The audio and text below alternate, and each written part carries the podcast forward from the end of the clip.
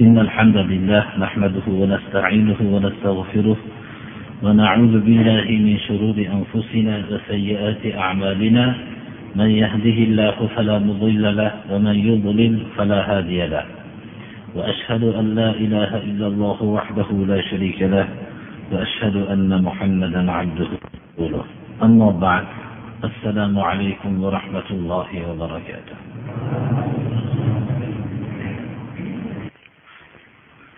Ashoblarning siyralaridan zubayr ibn avvom roziyallohu anhuni siyralariga kelgandik. Butun ashob ikromlarning o'ziga xos bir xususiyatlari bo'lganga o'xshagan zubayr ibn avvomning o'ziga xos xususiyatlaridan bittasi birinchi o'zining hayotda jannati ekanligiga guvohlik berilgan o'n kishining bittalaridan hisoblanadi. Va umar ibn hattob roziyallohu anhu o'zlaridan keyin ahli shuro deb olti kishini maslahat berganlar xalifa saylamaganlar mendan keyin shu olti kishidan bittasini ixtiyor qilib olinglar deb bergan ahli shurolarning bittalari zubayr ibn avvom hisoblanadilar roziyallohu anhu. Va bu kishining sifatlaridan rasululloh sollallohu alayhi vasallamning havoriylari ya'ni fidoyilari hisoblanadi. Va olloh yo'lida qilichini birinchi sug'urgan kishilardan zubayr ibn avvomdirlar bu kishini yoshlik vaqtlarida musulmon bo'lganliklari rivoyat qilinadi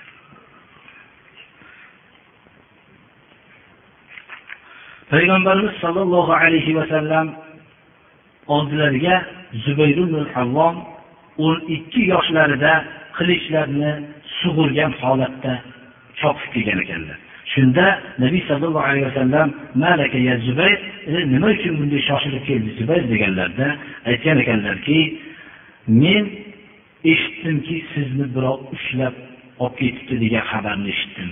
Shu ushlagan odamni qilichim bilan urishlik uchun yugurib kelyapti o'n ikki yoshlarida. Zubayr avomning ko'rinishlari uzun bo'yli kishi ekanlar. Hattoki otga minganlarda oyoqlari yerga tegib yurar ekan. Zubayr ibn avvomning o'g'illari abdulloh ibn zubayr inshaalloh o'zini o'rnida abdulloh ibn zubayr haqida roziyallohu anhu haqida ba'zi ma'lumotlarni beramiz. Dadamga aytdimki deydilar ya'ni zubayr ibn avvomga nimaga rasululloh sollallohu alayhi vasallamdan mana palonchi pistonchilar hadis rivoyat qilganga o'xshagan siz hadisni rivoyat qilmaysiz. Deganlarda musulmon bo'lganimdan tortib rasululloh sollallohu alayhi vasallamdan ajralmaganman. Ammo eshitgan edimki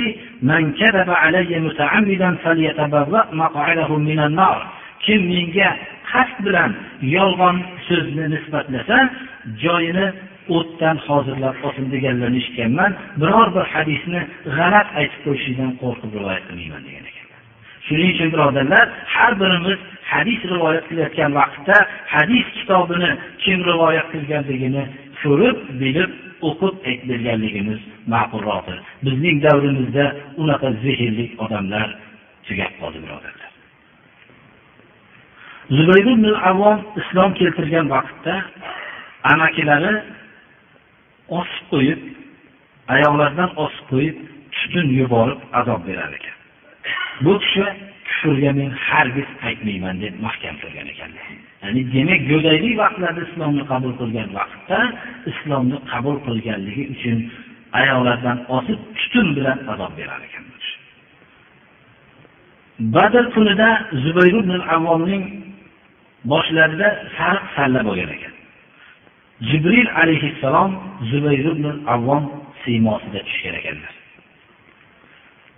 maloikalar ham hammalari jibril alayhissalomga ergashib shunday tushgan ekanlar. Badr g'azotida tushgan maloikalar hammalari zubayr ibn avvom sallalarida sallavrab tushgan ekanlar. Payg'ambarimiz sollallohu alayhi vasallam uhud jangida ko'p o'zlari va ashoblariga ko'p musibatlar yetib uhuddan qaytib madinaga kirishib turganlarida payg'ambarimiz sollallohu alayhi vasallam qo'rqdilarki mushriklarning madinaga qaytib bostirib kelib qolishligidan. Aytdilarki bularning izlaridan kim hozir chiqadi dedilar hamma sahobalarning ko'plari shahid bo'lgan hammalari jarohatlangan son sanoqsiz jarohatlar bilan jarohatlanishgan. Shunda kim shularning izidan chiqadi? Hatto bilishsinki yangi quvvat bularni orqalaridan kelayotganligini bilib haybatlanib qo'rqib qochishsin deganlarda abu bakr roziyallohu anhu bilan zubayr ibn avvom chiqqan ekanlar. Yetmish kishini olib chiqishib borib shu amalni bajarishgan ekan.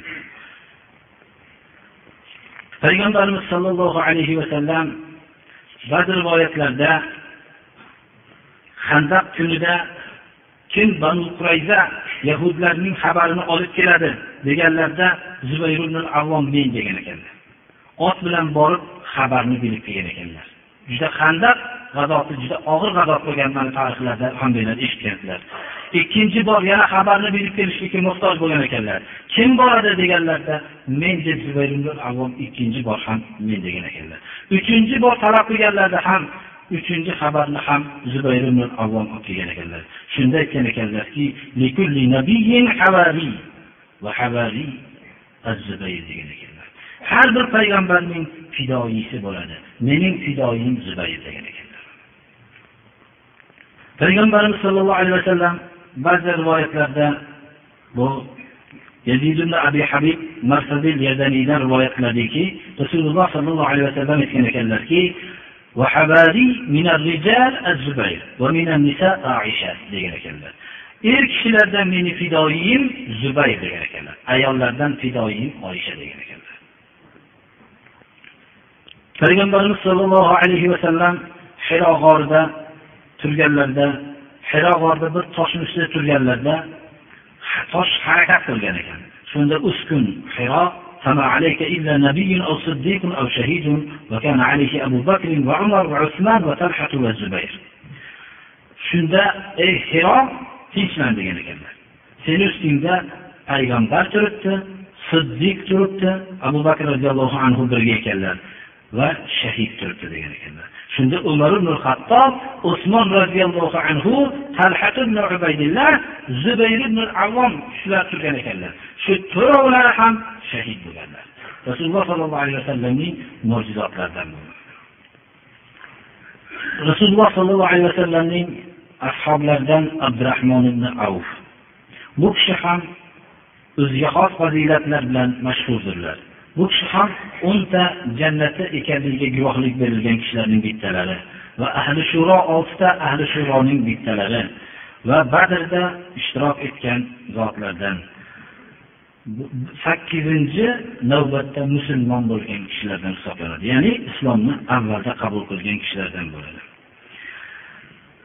Abdurahmon ibn avf bu kishi sahobalar ichida o'zlarining davlatmand ekanliklari bilan mashhurdir.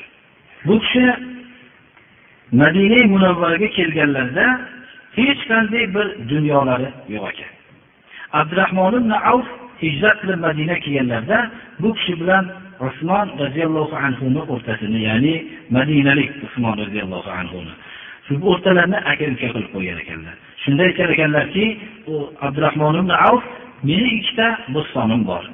Shundan xohlaganini tanlab oling deb olloh yo'lidagi birodariga ikkita bo'stonni bittasini tutgan ekanlar. Shunda aytgan ekanlarki alloh subhanahu va taolo molingizga barakot bersin bozorga yo'llab qo'ying dedilar. Shu bozordagi kasblari bilan moli ko'paydi.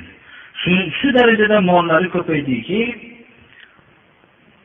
yetti yuzta tuyani bug'doy un taom ko'targan yetti yuzta tuyani birdaniga taqdim qilib ollohni yo'lida bergan ekanlar birodarlar yetti yuzta tuya o'zi eng faxrli bir sayyoralarni barobariga keladi va undan tashqari uni ustidagi yuk nihoyatda tuyadan ham qiymatbahodir buning sababi madina ahlini o'rtasida bu katta dunyolar eshitilgan vaqtda oysha roziyallohu anhoga bu xabar yetganda aytgan ekanlarki oysha onamiz سمعت رسول الله صلى الله عليه وسلم يقول عبد الرحمن لا يدخل الجنة إلا حبوا oysha onamiz aytgan ekanlarki rasululloh sollallohu alayhi vasallamdan eshitganmanki abdurahmon jannatga emaklab kiradi deganlarni eshitgan edim deganlarda shu sizni guvoh qilib qilamanki mana shu tuyalar hammasi ollohni yo'lida ehson deb berib yuborgan ekanlar shu narsa meni emaklab qolishligimga sabab bo'lsa kerak deb qo'rqar ekanlar ba'zi rivoyatlarda rasululloh sollallohu alayhi vasallam aytgan ekanlarki jannatga kirdim oyoq tovushini eshitdim shunda bu tovush nima desam bilolni oyoq tovushi deyishdilar u kirdi bu kirdi abdurahmonning kirishligi uzoq ketdi. Umidim uzilgandan keyin keldi. Deganda abdurahmonmi? dedim. Mana bu vaqtda shu so'zlarni eshitganlaridan keyin shu mollarni ko'pligi sababli kechikkanliklariga ishora deb doim mollarini ehson qilaverar va alloh subhanahu va taolo barakot berib mollari ko'payib ketaverar ekan. Abdurahmon ibn avf daraxt ostida bayat qilgan zotlar jumlasidan. Payg'ambarimiz sollallohu alayhi vasallamning ashoblarini ichida abu bakr roziyallohu anhudan boshqa sahoba payg'ambarimiz sallallohu alayhi vasallamga iymon bo'lmagan. Magar abdurahmon ibn avf iymon bo'lgan ekanlar. Bir marta ertalabki namozni rasululloh sollallohu alayhi vasallam bir rakat abdurahmon ibn avf imom bo'lib o'qiganlaridan keyin kelib ixtilo qilib keyin turib ikkinchi rakatni avvalgi rakatni o'qib olgan ekanlar. Abu bakr roziyallohu anhudan boshqa payg'ambarimiz sollallohu alayhi vasallamga imom bo'lgan tanho kishi abdurahmon ibn avfdirlar abdurahmon ibn avf ummu salama roziyallohu anhuning oldilariga keldilar aytdilarki يا أم المؤمنين إني أخشى أن أكون قد هلكت إني من أكثر قريش مالا بعت أرضا لي بأربعين ألف دينار قالت يا بني أنفق. فإني سمعت رسول الله صلى الله عليه وسلم يقول إن من أصحابي من لا يراني بعد أن أفارقه.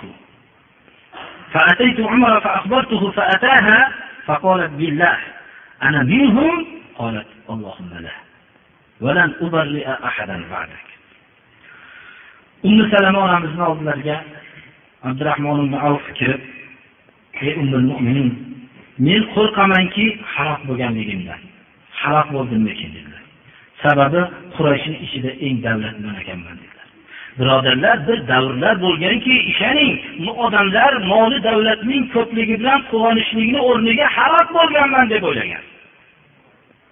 Men halok bo'lganman chunki qurayshni ichida men eng moli ko'p kishiman dedilar. Dunyoda jannatligini eshitgan kishi ahli shurolarning bittasi bo'lgan kishi badrda ishtirok etganligi deb alloh subhanahu va taolo tarafidan rasululloh vositasi bilan nidoni eshitganlar. Badrda ishtirok etgan kishilarga alloh subhanahu va taolo endi xohlagan amalinglarni qilolinglar gunohinglarni kechirdim degan so'zni badrda ishtirok etgan kishi yana moli davlatini son sanoqsiz ollohni yo'lida berayotgandan keyin yana moli ko'payib ketganligiga qurayshning ichida molim ko'p shu sababli men halok bo'lganga o'xshayman dedi qirq ming dinorga yer sotdim dedilar. Qirq ming dinorga yerimni sotdim dedi. Shunda umi onamiz ey o'g'lim farq qilib tashlagin devor birodarga dedilar. Qirq ming dinorni chunki rasululloh sollallohu alayhi vasallamdan eshitganmanki ashoblarimni ichida men bilan ajralgandan keyin meni qaytib ko'rmaydiganlari bor deganlar. Ya'ni men bilan jannatda ham uchrashmaydiganlari bor. Ashoblarimni ichida men bilan ajralgandan keyin dunyodan meni qaytib ko'rmaydiganlari bor deganlar men qo'rqamanki shu dunyo seni ko'rmaslikka olib borib qo'yganmikin dedilar. Hamma mollarni sarf qilgan ekanlar. Shunda abdurahmon ibn avf aytadilarki umar ibn hattobning oldiga keldim. Bu xabar bilan xabar berdim. Shu voqeani aytdim umar ibn hattob shu vaqtda turdilarda ummu salama onamiz oldilariga keldilarda qasamyod qilib aytamanki men shu rasululloh sollallohu alayhi vasallam judo bo'lganlaridan keyin meni ko'rishmaydiganlardan deb sanaganmilar yo'qmi shuni ayting umar ibn hattob eng islom ummatining ichidagi adolatli kishi shu kishi shu meni aniq ayting qasamyod qilib sizdan talab qilamanki meni rasululloh sollallohu alayhi vasallam mendan keyin ajralgandan keyin ko'rishmaydiganlardan deb sanaganlar yo'qmi dedilar. Shunda allohimmalar ya'ni siz u kishilardan emassiz ammo sizdan keyin birovni siz u kishi deb aytolmayman degan ekanlar mana bu narsa biz payg'ambarimiz sollallohu alayhi vasallam bilan suhbatdosh bo'lgan kishilar qanchalik qalblari ochilganligiga dalolat qiladiki u kishi bilan qaytib ko'rishmaslik shunchalik dahshat bo'lgan. Biz birodarlar o'zimizni amalimiz sunnatga muvofiq emas hech qanday amalimiz yo'q lekin biz nihoyatda rasululloh sollallohu alayhi vasallam deb davo mana umar ibn hattob shunchalik amallari bilan men shu men ko'risholmay qoladigan sahobalardanmanmi yo'qmi deb aniqlagan ekanlar abdurahmon ibn avfning fazilatlaridan bittasi yana bu kishi oysha onamizga ko'p bir ulush jo'natib yuborgan ekanlar. Kim jo'natdi buni dedilar. Abdurahmon jo'natdi deganlarda aytgan ekanlarki rasululloh sollallohu alayhi vasallamdan eshitganman aytganliklarini la yahnu alaykunna ba'di illa sabirun saqallohu ibn avfin min sabilil jannah degan ekanlar. Sizlarga ya'ni azvoji mutahharotga mendan keyin faqat sobir sifatidagi kishilargina sizlarga mehribonlik qiladi deganlar. Alloh taolo ibn avni jannatning chashmasidan sug'orsin degan ekanlar. Abdurahmon ibn avfning fazilatlarining eng oliysidan bittasi bu kishi ahli shurolarning oltitalaridan bittasi bo'lib umar ibn hattobdan keyin olti ahli shuro maslahat qilishganlarda uchtalari qoldilar. Bittalari usmon roziyallohu anhu ali ibn abi tolib abdurahmon ibn avf uchovlari qoldilar shunda abdurahmon ibn avf aytdilarki menga ixtiyoriylarni berasizlarmi? dedilar. Xalifa saylashda ikkovlari rozi bo'lishdilar. Abdurahmon ibn avf xutba o'qib turgan vaqtlarida sad ibn abi vaqqos elchi jo'natdilarda ya'ni o'zingizga chaqiring o'zingiz bo'ling biz bayat qilamiz degan xabarni xutba qilib turganlarida jo'natdi shunda aytgan ekanlar elchiga qarab sakilatga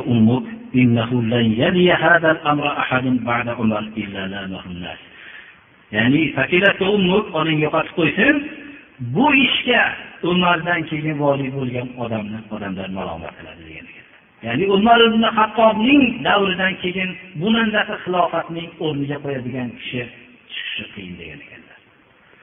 Va shunda ikkovlarini usmon roziyallohu anhu ali ibn abi tolibni ikkovlarini ham maqtab yaxshi sifatlarni zikr qilib usmon roziyallohu anhuga bayat qildilar. O'zlari shu xilofatdan voz kechdilar. Vaholanki kishilar abdurahmon ibn avfni xilofatni bo'lishligini orzu qilishardi. Mana bu sifatlar ham alloh subhanahu va taolo bergan qobiliyatlardan. Insonni dunyo tug'yoniga sabab bo'ladi. Agar iymoni zaif bo'lsa bu kishining dunyolari shuncha ko'p bo'lishligiga qaramasdan iymonlari shunday quvvatli bo'lganki hattoki mana bu xilofatdan ham o'zlari bosh tortdilar alloh subhanahu va taoloning rahmati bo'lsin. Alloh rozi bo'lsin sahoba ikromlardan alloh subhanahu va taoloning ne'mati rasul sollallohu alayhi vasallamga u kishining atroflarida hamma toifadan bo'ldi. Davlatmanlar bo'ldi kambag'allar bo'ldi. Usmon ibn mazun eng kambag'al sahobalardan bu sahobalarning ichida zohidlari bo'ldi. Abu zar mana bu kishilar abu dardo roziyallohu anhu bular. Mana bu davlatmanlari bo'ldi usmon roziyallohu anhu abdurahmon ibn avf mana. Abu bakr roziyallohu anhu. Lekin ularning yo'nalishlari hammasi bir tarafga bo'ldi. Ularning dunyolari haqqa amal qilishlikdan to'solmadi kambag'alliklari haqqa amal qilishlik yo'lini to'solmadi yoinki kasalliklari haqqa amal qilishlikni to'solmadi shajoatlari haq oldida to'xtashligini to'solmadi hammalarining har xil xususiyat tabiat bilan bo'lishlariga qaramasdan yo'nalishlikni bir yo'nalishda yurisha alloh subhanahu va taoloning bu hujjatiki qiyomatgacha bo'lgan kambag'allar ham sahobalarga ergashishligini va davlatmanlar ham sahobalarga ergashishligini va hatto hammalari bularni ichida bolalar bo'ldiki bolalar ham shularga ergashishligini. Ayollar bo'ldiki islomda mustahkam bo'lgan. Mana bu narsa islomning eng katta bir hujjati bo'ldiki. O'tgan payg'ambarlar ham shunday bo'ldi. Misol bir kishi o'ylasaki men kambag'al bo'lib qoldim desa shuning uchun haqqa amal qilolmadim desa iso alayhissalomdaqa kambag'al bu payg'ambarlar mana shu haqda qolishdilar. O'tgan davlatmanlarni olsak dovud alayhissalom sulaymon alayhissalom alloh subhanahu va taolo misli yo'q mulkni berdi. Dunyoda ularning mulkini hisobi yo'q alloh subhanahu va taolo bering o'zingiz foydalaning hisob qilinmaydi sizdan dedi. Hamma odam dunyosiga hisob beradi. Ammo sulaymon alayhissalom hisob bermaydi. Mana bu dunyo ularni haq yo'ldan to'sa olmadi. Hamma sifatlarni ko'ring. Bir odam kasalmand bo'lib haqqa amal qilolmadim desa ayub alayhissalom mana qattiq kasal bo'ldilar. Bu kishini misli bunaqa kasal bo'lgan kishi yo'q. Ana shu lekin haqqa qoldilar tekshirib ko'rilsa hammasi. Endi farzandim fitnasi bilan haqdan chiqib ketdim desa nuh alayhissalomning farzandi mana bu? Kofir bo'ldi. Farzandi fitnasi farzandi. Endi dadamiz qarshilik qildi desa ibrohim alayhissalomni alloh bizga misol qildiki dadalari eng ashaddiy kofir edi ozar ba'zi bir kishilar ayolning fitnasi yomon ekan ayolning fitnasi bilan men haqda bo'lmadim desa nuh alayhissalom lut alayhissalomning ayollari kofir edi. Bu juda katta imtihon bo'ldi alloh taolo payg'ambarlarini. Ulul azm payg'ambarlarni xususan katta imtihon bo'ldi. Endi ayol kishi aytsaki er ayolga g'olib ekan uni iloji bor ekan ammo ayol qattiqqo'l bo'lishligi bilan haqqa amal qilolmay dinga usholmas ekan desa alloh subhanava taolo bizga fir'avnning ayolini misol qildi. Yer kurrasida o'tgan zolimlarning eng kattasining zolim fir'avnning ayoli alloh subhanahu va taologa eng qonitlar jumlasidan bo'ldilar. Mana bu narsa bizga alloh subhanahu va taolo hujjatni juda barpo qildi. Endi bular payg'ambarlar edida deb bahona qilsa alloh subhanahu va taolo rasul sollallohu alayhi vasallamning atrofiga ashoblarni yig'diki bu ashoblarning ichida shu qobiliyatli kishilarning hamma turidan bor ediki hammalari o'zlaridagi xususiyatni islomning harakat yo'nalishiga sololmagan mana bu narsa ollohning hujjati bo'ldi. Bizga mana ergashadigan zotlar mana bular bo'ldi. Ashobi ikromlardan sad ibn abi vaqqos roziyallohu anhu sad ibn abi vaqqos hayotda o'nta jannati ekanligini eshitib ketgan kishilarning bittalaridir sad ibn abi vaqqos roziyallohu anhu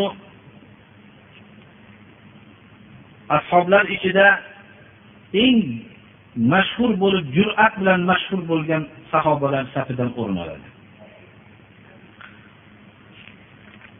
sad abi vaqqosning islom keltirganligi haqida said ibn musayyabdan rivoyat qilinadiki سمعت سادا يقول ما أسلم أحد في اليوم الذي أسلمت ولقد مكثت سبع ليال وإني لثلث الإسلام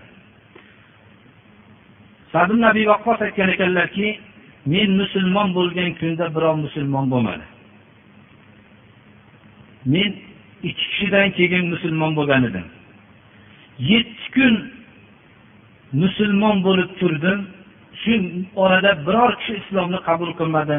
Yetti kun islomning uchdan biri bo'lib yashadim degan ekanlar ya'ni uchinchi musulmon bo'ldim. Men islom olamining uchdan biri bo'lib yashadim degan ekanlar ya'ni uchta o'zi islom ahli islom uch kishi. Ahli islom uch kishi bo'lsa islom olamining uchdan biri bo'lib yetti kun yashadim degan ekanlar. Ya'ni islomni nihoyatda erta qabul qilganliklariga ishoradir payg'ambarimiz sollallohu alayhi vasallam biror kishiga ota onam fido bo'lsin demagan ekanlar. Magar sad abi vaqqosga ota onam qurbon bo'lsin degan ekanlar. Aytgan ekanlar ba'zilarga dadam qurbon bo'lsin onam qurbon bo'lsin deb bittasini aytgan ekanlar ammo ikkovlarini faqat sad nabiy vaqqosga aytgan ekanlar. Buni sababi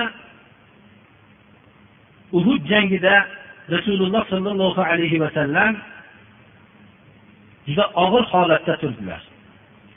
Sad ibn abi vaqqos payg'ambarimiz sollallohu alayhi vasallamning yonlarida turardilar. Yonlarida turganlarida islom yo'lida birinchi marta kamondan o'q uzgan sad ibn abi vaqqos bo'ladilar. Bundan ilgari bir kishi kamondan o'q uzmagan. Zubayr ibn avvom birinchi islom yo'lida qilichini sug'urgan kishi shu kishi bo'lsalar kamondan o'q uzgan birinchi shu kishilar. Shunda sad ibn abi vaqqos uhud kunida payg'ambarimiz sollallohu alayhi vasallam yoy olib berib turgan ekanlar. Olib berib turganlarida uchida hech narsa yo'q yoyni ham olib berar ekanlar. Shunda irmi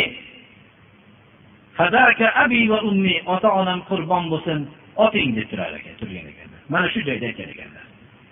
Hattoki ichida temiri yo'q bo'lgan yoylarni olib berardilar. Shu yoylarni xato qilmasdan dushmanni shu ichida yoyi yo'q bo'lgan mablag' xato qilmasdan qatl qilar ekan. Hatto payg'ambarimiz sollallohu alayhi vasallam bunidan ajablanib kulgan ekanlar. Dushman tarafida dushman qalqonini ko'rsatib qalqon bilan himoya qilish mana qoladi deb sad ibn abi vaqqosga qarab shunday deganda sad ibn abi vaqqos shu o'zi tarafidan otgan yoyni olib turib shuni uchida temiri yo'q bo'lgan uchi yo'q bo'lgan shu yoy bilan shu dushmanni peshanasiga urgan ekanlar. U sad ibn abi vaqqosga yoydan himoya qilish qalqon bilan mana bo'ladi deb turgan vaqtida peshanasiga urib shu vaqtda qatl qilgan ekanlar. Payg'ambarimiz sollallohu alayhi vasallam haligi holatdan hatto kulgan ekanlar. Shu soatda ota onam qurbon bo'lsin oting degan ekanlar.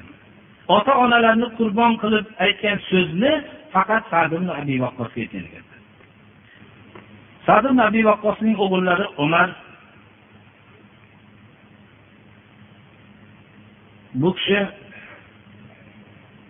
aytadilarki dadam madinada sal notinchlik bo'lib qolganda ba'zi qo'ylarni olib chetga chiqib ketdilar. Ya'ni notinchlik voliy kim bo'lishligi haqida o'ylanib turilganda sad abi vaqqosni ham voliy qilishlikka fikrlashib qolgan ekan odamlar. Shunda o'zlarini xalifa bo'lishlikdan bekitib ba'zi qo'ylarni olib toqqa qarab yurgan ekanlar. O'g'illari kelayotgan ekanlar. Shunda shu kelayotgan odamni yomonligidan panoh istayman kim ekan degan ekanlar. Shu o'g'illari ekanligini bilib ey dada shu qo'ylar bilan arobiy bo'lib sahroiy bo'lib yurishga rozi bo'ldingizmi? Odamlar madinada mulk haqida kelishmovchilik fikrlari bo'lyapti. Siz borishingiz kerak. Siz o'sha yerga voliy bo'lishlikka loyiqsiz deganlarda o'g'illarni ko'kragiga urgan ekanlarda xomush bo'l. Men rasululloh sollallohu alayhi vasallamdan eshitganmanki alloh azza va jalla taqvolik pokiza davlatmand maxfiy odamni yaxshi ko'radi deganlarni eshitganman. Shunga amal qilish uchun shu yerga keldim degan ekan. Abi vaqqosning huzurida bir kishi kelib mug'iyrat ibn shoba sahobiyga qarab so'kkan ekan. So'kkanda kim so'kyapti? Kimni so'kyapti ey mug'iyra degan ekanlar. Mug'iyra shobaga qarab sahobiylardan bittalarni so'kkan ekanlar. Kimni so'kyapti deganlarda ali ibn abi tolibni so'kyapti degan ekan shunda achchiqlari kelib rasululloh sollallohu alayhi vasallamning ashoblari so'kilayotganda xomush turibsizmi dedilar. Men payg'ambarimiz sollallohu alayhi vasallamdan qulog'im bilan eshitganmanki qalbim shuni saqlab qolganki bu bir tushmas menga. Aytganlarki abu bakr jannatda umar jannatda ali jannatda usmon jannatda talha jannatda zubayr jannatda abdurahmon jannatda sad ibn molik jannatda va mo'minlarning to'qqizinchisi jannatda deganlarni eshitganman. Agar xohlasanglar to'qqizinchisini nomlab beraman dedi. Hammalari talab qilishligi nomini ayting to'qqizinchi kimligini aytdilarki to'qqizinchisi men dedilar. Mana bu narsani aytdilar. Rasululloh sollallohu alayhi vasallam bilan birga sahobalarning bir o'rinda bo'lishlari bir o'rinda bo'lishlari sizlarning bittalaringlarni nuh alayhissalomning umri bo'lsa ham shuncha umr yaxshi amal bilan amal qilishinglardan yaxshiroqdir degan ekan. Rasululloh sollallohu alayhi vasallamni ashoblarini so'kmanglar degan ekan. Sadir nabiy vaqqosning uhud jangida payg'ambarimiz sollallohu alayhi vasallamning yonlarida turib oldilarida turib himoya qilib turganlarida o'ng taraflarida va chap taraflarida ikki kishini ko'rdim. Oq libos kiygan qattiq jang qilishayotgan ikki kishini ko'rdim. Ammo ilgari ham ko'rgan emasman bularni keyin ham ko'rmaganman dedilar. Ya'ni farishtalar edi. Ular payg'ambarimiz sollallohu alayhi vasallamning oldlarida o'tirgandik deydilar abdulloh ibn umar aytdilarki hozir shu darvozadan sizlarni oldinglarga ahli jannatdan bir kishi kirib keladi dedilar. Sad ibn abi vaqqos kirib keldilar. Mana bu kishining jannati ekanliklariga mana shak shubha yo'q ekan. Qur'oni karimdagi oyati ham sad ibn abi vaqqos aytadilarki oltita nafar va men abdulloh ibn masud haqida nozil bo'lgan degan ekanlar. Ya'ni payg'ambarimiz sollallohu alayhi vasallam sad ibn abi vaqqos abdulloh ibn masud bilol va boshqa sahobalar bilan turganlarda g'arib sahobalar bilan turganlarda abu jahl bu makka qurayshlarning e, qurayshliklarning makkadagi qurayshlarning eng kattalari bir suhbat qilaylik deb talab qilishdi. Bularga javob bering dedi. Shunda rasululloh sollallohu alayhi vasallamning qalbi muboraklaridan bir xayol o'tdiki bularga javob berib tursam shu islomga bular kirsa islomga katta yutuq bo'ladi shular ketib turinglar desammikin degan xayol o'tgan bo'lsa shu oyat nozil bo'ldiki robbilariga sig'inib duo qilayotganlarni oldingizdan ketkazmang degan oyat rasululloh sollallohu alayhi vasallam duo qilgan ekanlar sad ibn abi vaqqosni ko'p duolar qilgan ekanlar shu duolardan bittasi allohumma stajib ey olloh senga sad duo qilsa duosini ijobat qilgin degan ekanlar. Sad ibn abi vaqqosning duolari ijobat bo'lgan. Bu kishining duolarining ijobatligi haqida juda ko'p rivoyatlar bor. Bulardan bittasi avvalgi darslarimizda ba'zi o'rinlarda aytib o'tilingan bu yerda aytib o'tilinmagandan bittasi shuki payg'ambar payg'ambarimiz sollallohu alayhi vasallamning ashoblaridan ali ibn abi tolibni bu kishini oldilarida bir kishi so'kkan so'kkanlarda payg'ambarimiz sollallohu alayhi vasallamning sahobalaridan bo'lib ham ali ibn abi tolibni so'kkanlaridan keyin qo'llarini ochib duo qildilar. Shu yerda duo qilib turganlarida shu odamlarni orasida bir dahshat bilan bir tuya kirdida shu odamni olib turib deksab qorinlarini yorib ashmoqda o'ldirib qaytib ketaverdi. Ey olloh buni haroq qilgin hozir deb duo qilgan edilar. Seni do'stingni so'kkanligi uchun halok qilgin deb duo qilganlar duolari shu vaqtda ijobat bo'lardi. Bu kishining duolarini ijobatlari haqida juda ko'p rivoyatlar bor.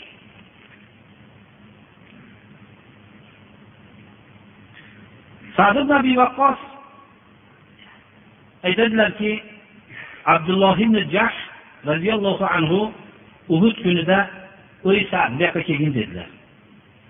Bir chekkaga o'tib ollohga duo qilaylik dedilar. Sen boshlagin dedilar duo qildi ey robbim dushman bilan ertaga ro'baro bo'lsam menga bir nihoyatda quvvati shiddatli bo'lgan bir dushmanni ro'baro qilgin. Shu bilan jang qilayda shunga g'olib qilgin meni deb duo qildi. Va uni qatl qilib moli mulkini olay dedilar. Abdulloh ibn jahsh omin dedilar. Siz ham duo qiling dedilar. Abdulloh ibn jahsh duo qildilar. Ey robbim ertaga nihoyatda shiddatli bir kofirni jangda menga ro'baro qilginda jang qilingda meni ushlab olib ketsinda quloq burnini kessin va shu jasadlarini qirqib tashlasinda ertaga senga ro'baro bo'linglar. Ey abdulloh qani men bergan a'zolar deb so'raginda shunda men seni yo'lingda rasulingni yo'lida yo'qotib keldim deydi. Deb duo qildilar. Shunda bu kishi omin deb turdilar. Sad roziyallohu anhu aytadilarki abdulloh ibn jahshning duosi meni duoyimdan yaxshiroq edi dedilar.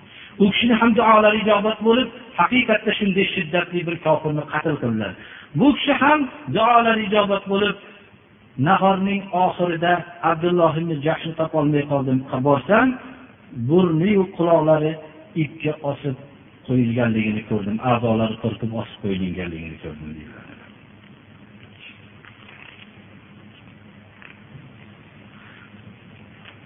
ashoblarning bir duolarini ham o'rganib qo'yinglar birodarlar. Ahli jannatlar shunchalik jannatga mushtoq bo'lishgan. Ular har bir narsani ko'ra bila olishganlar. O'zlari aytgan so'zga ishonisholmaganlar sad abi vaqqos vafot qilganlarida sakson ikki yoshda vafot qilgan ekanlar. Sad roziyallohu anhu vafot qilganlarida ummu salama onamiz ko'p yig'lagan ekanlar.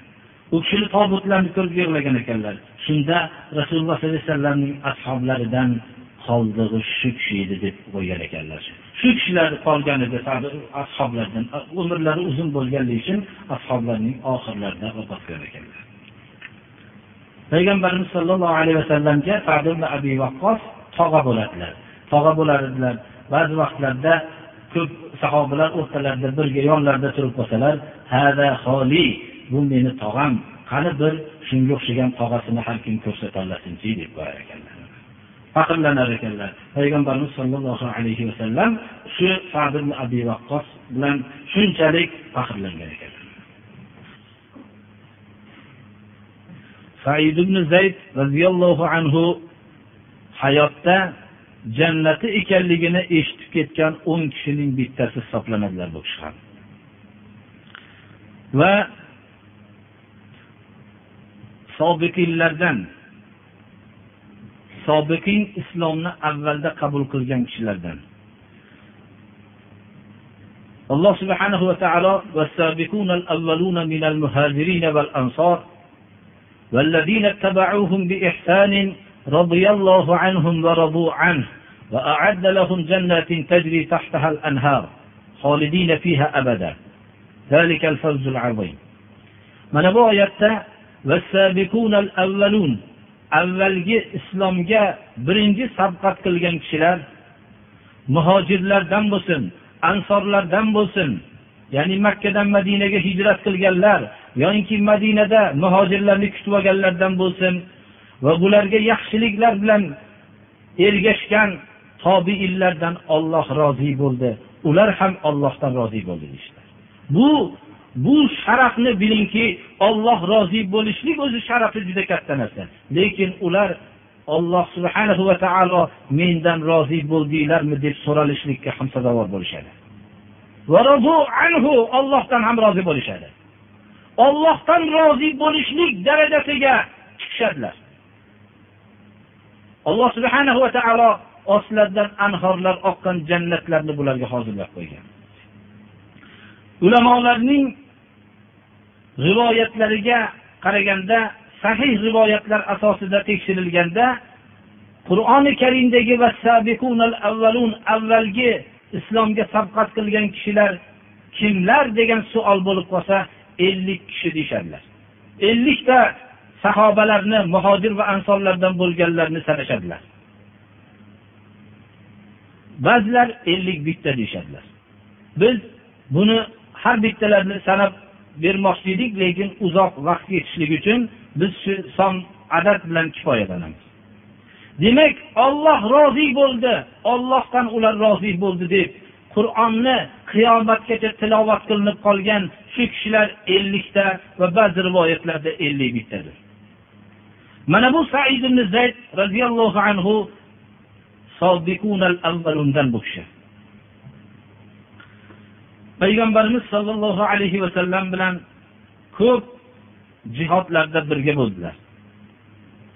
Birinchi marta damashq viloyatida abu ubaydata omir jarroh tarafidan noib bo'lib damashq viloyatiga voliy qilingan voliylar o'rniga vaqtincha turib turgan kishilarning birinchisi said ibn zayd roziyallohu anhu bo'ladilar. Said ibn zayd deganda ko'pchilik bilsa kerak umar ibn hattobning singillariga turmush qilgan said ibn zayddir bu kishi o'zlarining oilalari umar ibn hattobning singillari bilan islomni qabul qilgan vaqtda eng qattiq bularga zarba bergan qattiq kurashgan kishilarning bittasi umar ibn hattob bo'ladi. Umar ibn hattobning islom keltirishligiga sabab bo'lgan kishilar ham said ibn zaydga va singilisiga bergan ozorni bular ko'targanligini ko'rib qur'on o'qiyotgan vaqtlarida shunday bostirib kelib ularga ozor bergandek sabobni ko'rishlik ham umar ibn hattobning islomiga sabab bo'ladi. Umar ibn hattobning islomni qabul qilishlik darajasi shunchalik uzoq tuyulganki said ibn zaydga bir kishi umar ibn hattobda bir muloyimlikni ko'ryapmanmi? Chunki hijratga ketayotganlarda qayoqqa yo'l olsin deb so'raganlariga xursand bo'lib ketgan ekanlar. Yo'l olsin deb so'raganlariga. Musulmon odamlarga shunchalik qattiq turgan ekanlar. Shunda said ibn zaydga umar ibn hattobda muloyimlik ko'ryapman deganlarida umar ibn hattobning eshagi musulmon bo'ladiyu o'zini musulmon bo'lishiga aqlim yetmaydi degan ekanlar.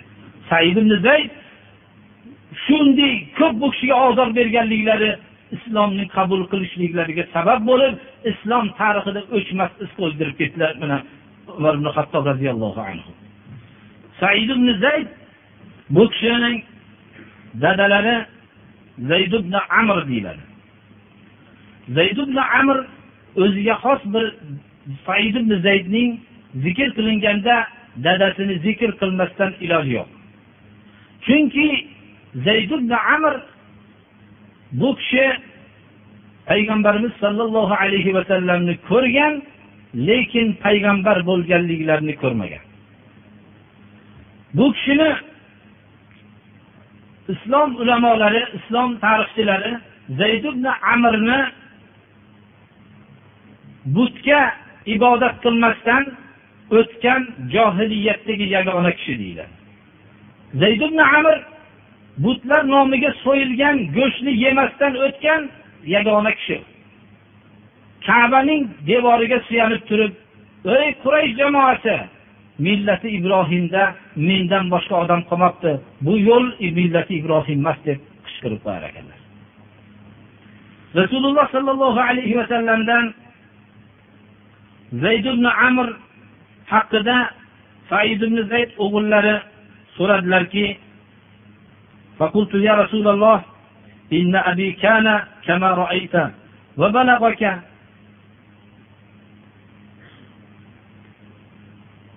ولو أدركك لآمن بك واتبعك. عبارة شبك إن أبي كان كما قد رأيته ولو أدركك لآمن بك واتبعك فاستغفر له. قال نعم. فأستغفر له فإنه يبعث أمة وحده. Yo rasululloh dedim deydilar said ibn zayd. Dadam mana o'zingiz ko'rgansiz dadamni qanday yashaganligini. Agar sizni payg'ambar bo'lgan davringizni topganda iymon keltirgan bo'lardi sizga sizga ergashgan bo'lardi. Millati ibrohimda ketgan edi. Dadam haqqiga istig'for ayting. Deganlarda ha istig'for aytaman. Dadangiz qiyomat kuni o'zi yolg'iz bir ummat bo'lib qiyomatda qo'porilar dedilar. Said ibn zayd roziyallohu anhu duolari ijobat bo'lgan kishilardan ekan. Arvo binti uvays ismli ayol davo qildiki said ibn zayd yeridan bir miqdordagi joyni olganligini husumat qilib bordi marvon hakam ya'ni shu diyorning hokimi marvonning oldiga husumat qilib bordi. Ollohning roziligi bo'lsin shu vaqtdagi hokimlarga ayollar husumat qilib kelsa ham qabul qilishib shu shikoyatlarni eshitishar ekanlar said ibn zayd aytdilarki meni haqqimda sen tuhmat qilib kelyapsan أنا كنت آخذ من أرضها شيئا بعد الذي سمعت من رسول الله سمعته يقول من أخذ شيئا من الأرض طوقه إلى سبع أراضين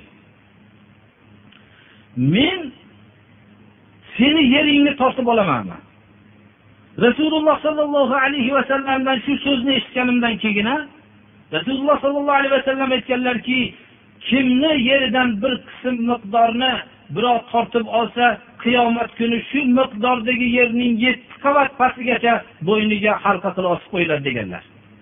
Shu so'zni eshitganimdan keyin men birovni yerini tortib olamanmi dedilar.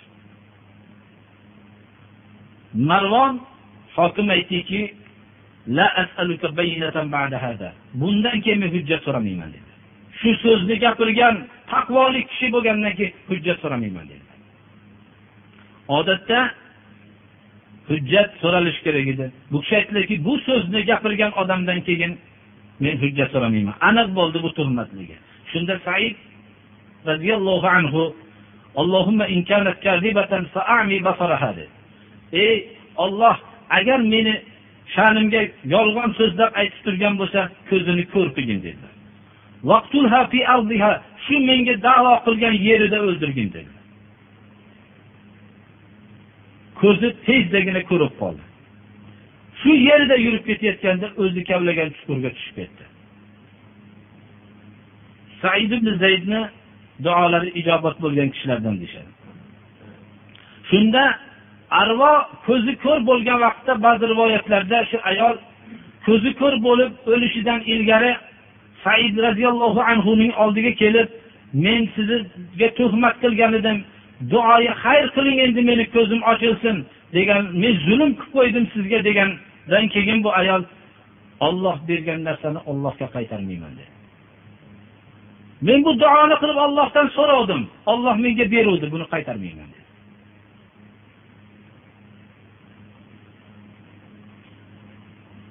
umar ibn hattob roziyallohu anhu o'zlaridan keyin xalifa saylanishlikka taklif qilingan vaqtlarda xalifani tayin qiling deganlarda olti kishini maslahat beraman xalifa tayin qilmayman dedilar. Shunda olti kishini ichiga said ibn zaydni ham qo'shmoqchi bo'lgan ekanlaru birovlar o'ylab qolmasinki said ibn zayd o'zining kuyovini ham qo'shib qo'ydi degan fikr bo'lmasin deb qo'shmaganlar. Bo'lmasam said ibn zaydning fazilatlari u sharaflari olti kishidan kammas edi deyiladi. Allohning roziligi bo'lsin umar ibn hattob shunday hassos xalifalarimizdan edi. Hatto fazilati shu darajada tayin bo'lsa ham oltita maslahat qilinadigan xalifa tayin qilayotganlari yo'q. Oltita maslahat qilingan odamlarga qo'shishlikdan ham tortilishgan ekanlar allohning roziligi bo'lsin. Bemalol o'zini odamini tayin qilib qo'yib qo'yishlik emas birodarlar. Bu shunday fazilatni hidi ham yo'qolgan odamni qo'yib qo'yishlik emas. U sharafda buyuk bo'lgan insonni ham qo'yishlikdan qarindoshi bo'lib qolganligi uchun tortingan ekanlar said ibn zayd vafot qilganlarida aqiq viloyatida vafot qilganlar sad ibn abi vaqqos yuvgan ekanlar va bu kishi kafanga o'rab shu o'zlari ko'tarib olib chiqqan ekanlar.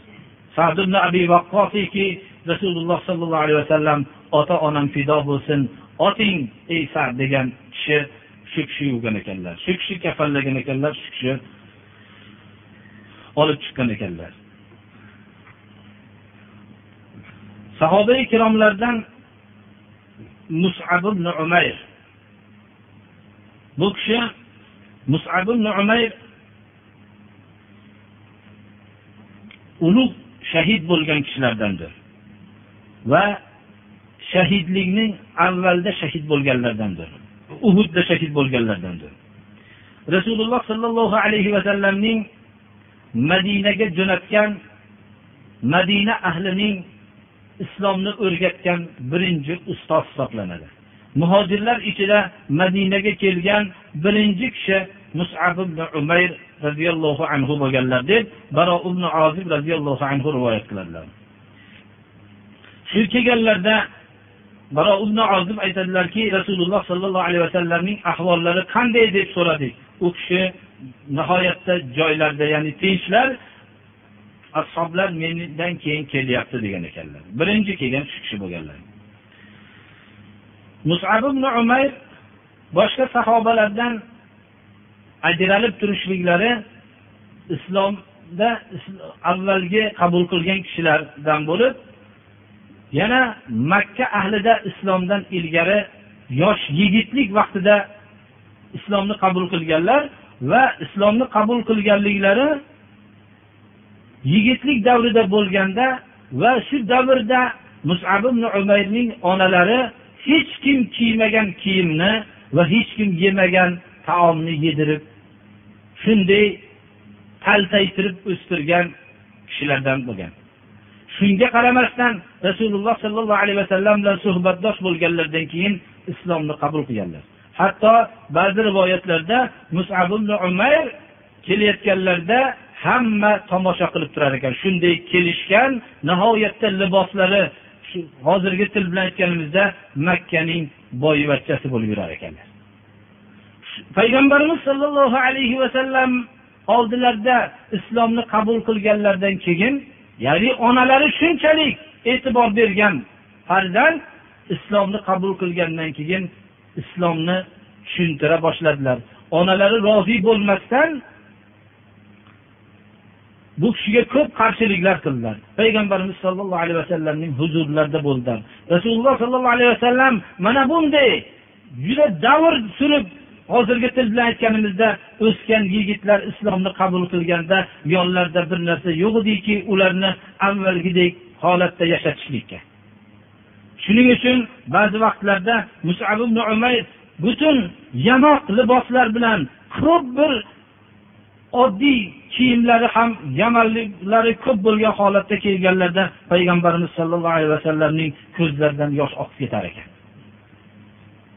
Va ba'zida so'rar ekanlarki bugungi holatinglar yaxshimi yo oldingi yurgan holatinglar yaxshimi? deb qo'yar ekanlar. Shunda ular albatta bizni bugungi kunimizdagi holat nihoyatda yaxshidir deb aytishar ekanlar. Musab ibn umar allohni rizosi bo'lsin u kishi vafot qilgan vaqtlarda mana hajga borgan kishilar hammalari ko'rishadilar.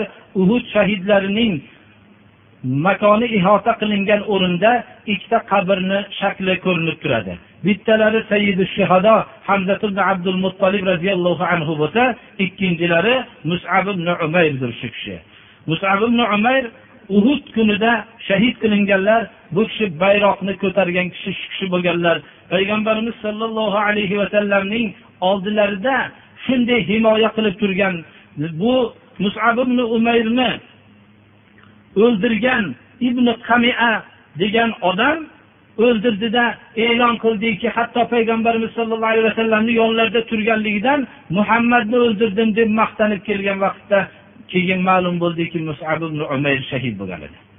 Shu darajada u kishi payg'ambarimiz sollallohu alayhi vasallamni himoya qilib turgan edilar. Mana bu kishini dafn qilinganda kafan topilmadi. Ustlaridagi namira deyiladi shu teridan bo'lgan narsani kafan qilindida boshlarini o'ralsa oyoqlari ochilib qoldi oyoqlarini o'ralsa boshlari ochilib qoldi. Rasululloh sollallohu alayhi vasallam aytdilarki boshlarini o'ranglar oyoqlariga izhir degan ko'katdan o'rab dafn qilinglar dedilar. Mana bu musab umayrni sahobalar esga olishganlarida biror dunyodan bir narsaga molik bo'lishib qolsalar yig'lashardilar. Nimaga?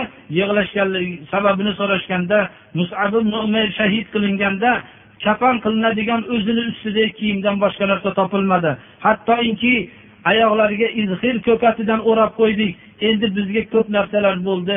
Bilmayman hayoti dunyoda oxiratdagi ne'matlarimiz ham bo'lib qoldim deb qo'rqyapmiz der ekanlar alloh subhanahu va taoloning rizosi bo'lsin mana sahoba ikromlarga